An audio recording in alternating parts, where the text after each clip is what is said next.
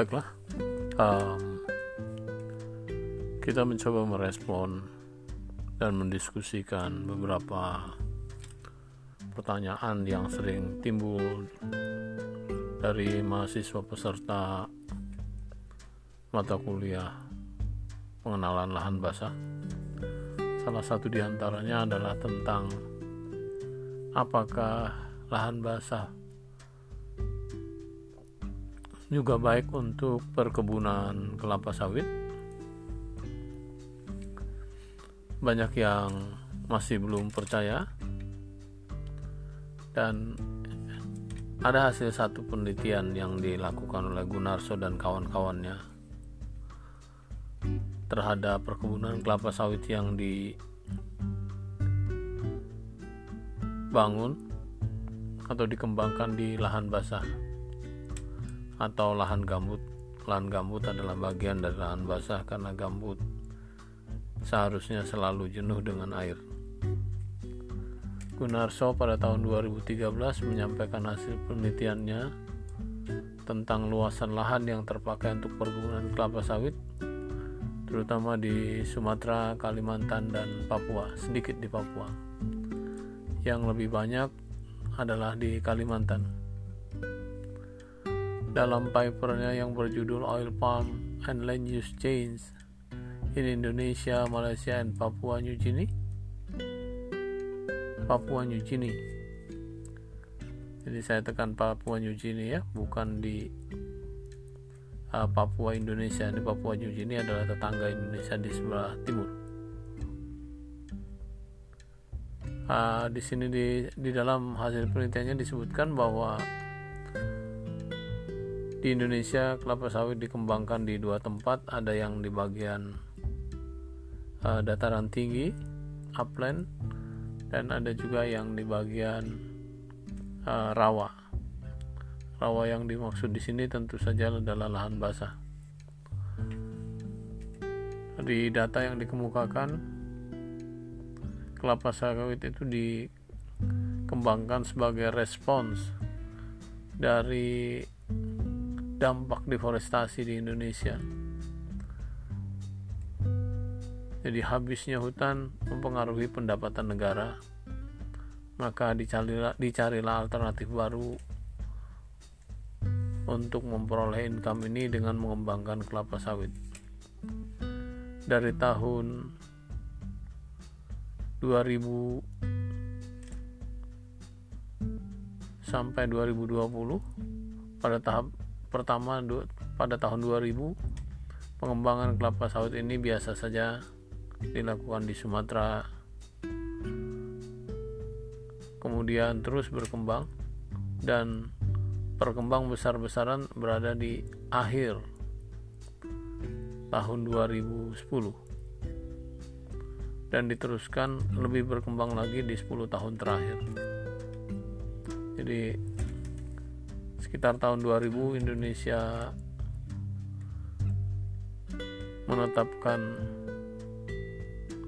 Kalimantan sebagai lumbung energi. Selain dari melakukan penambangan batu bara secara besar-besaran juga menyediakan atau menyiapkan sumber pendapatan lain yaitu kelapa sawit awalnya pengembangan kelapa sawit di Indonesia itu terkendala dengan pendapat tentang rusaknya komunitas tradisional karena lahannya diambil untuk kebun sawit. Dan juga adanya kekhawatiran penebangan hutan dapat mempengaruhi gas rumah kaca tapi setelah itu diskusi atau tekanan berubah menjadi atau mempersoalkan kontribusi sawit dalam perubahan iklim. Karena sawit sudah berkembang dan dapat dimanfaatkan sebagai bahan bakar pengganti atau paling tidak suplemen untuk bahan bakar fosil. Nah, menyambut situasi yang demikian Indonesia mengembangkan atau mengembangkan perkebunan sawit yang diprediksi akan dapat mendatangkan devisa cukup besar.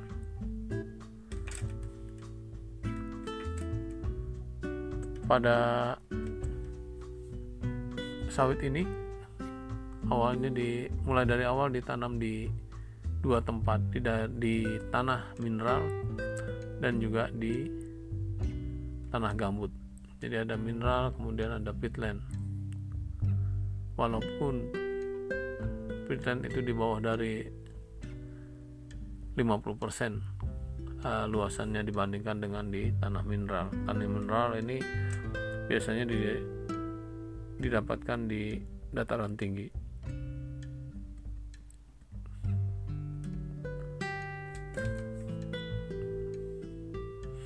Dari 7,7 juta hektar pada tahun 2010 70 persen 78 persen di antaranya ditanam di hamparan tanah mineral sementara 22 persen itu berada di lahan gambut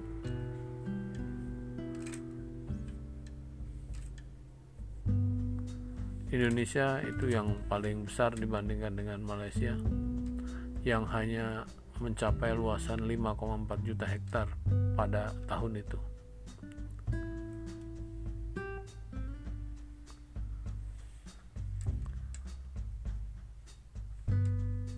Uh, namun bisa diambil kesimpulan bahwa luasan di Kalimantan itu berapa paling luas ada di di Kalimantan dibandingkan dengan di Sumatera.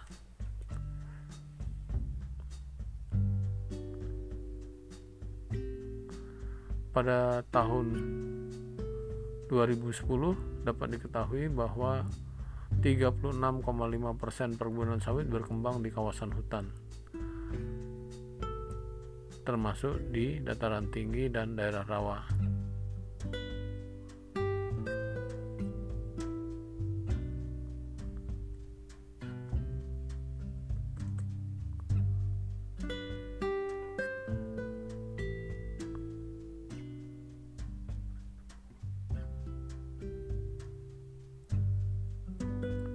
Dan di Sumatera.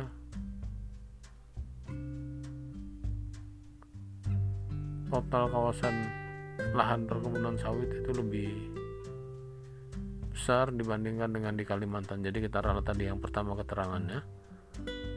Di data berikutnya mengatakan bahwa di Sumatera itu lebih besar karena memang perkembangan sawit lebih duluan di Sumatera dibandingkan dengan di Kalimantan sampai pada tahun 2010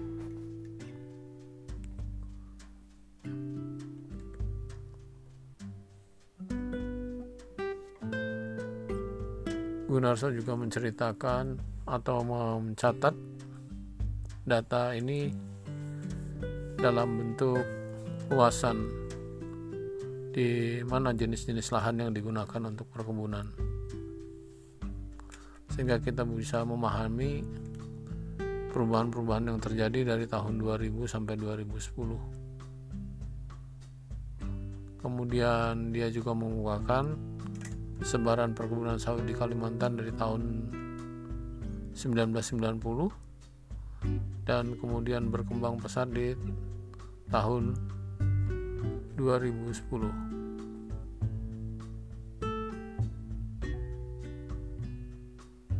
Dan jelas disampaikan bahwa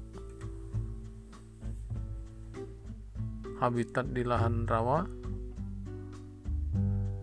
itu juga digunakan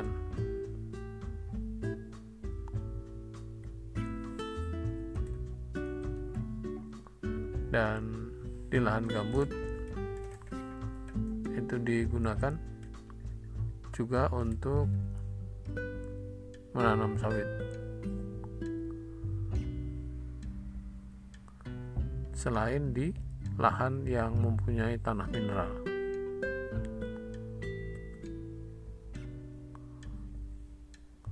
Nah, di akhir bacaan ini Anda diberikan juga dukungan untuk mencoba memahami lebih jauh dengan paper asli dari Gunarso dan semoga Anda juga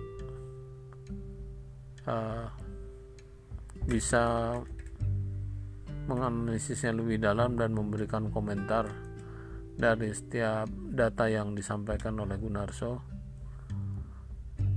dan semoga dengan pengolahan data ini nanti Anda bisa memahami seberapa jauh pemanfaatan um, lahan basah untuk sawit. Terima kasih.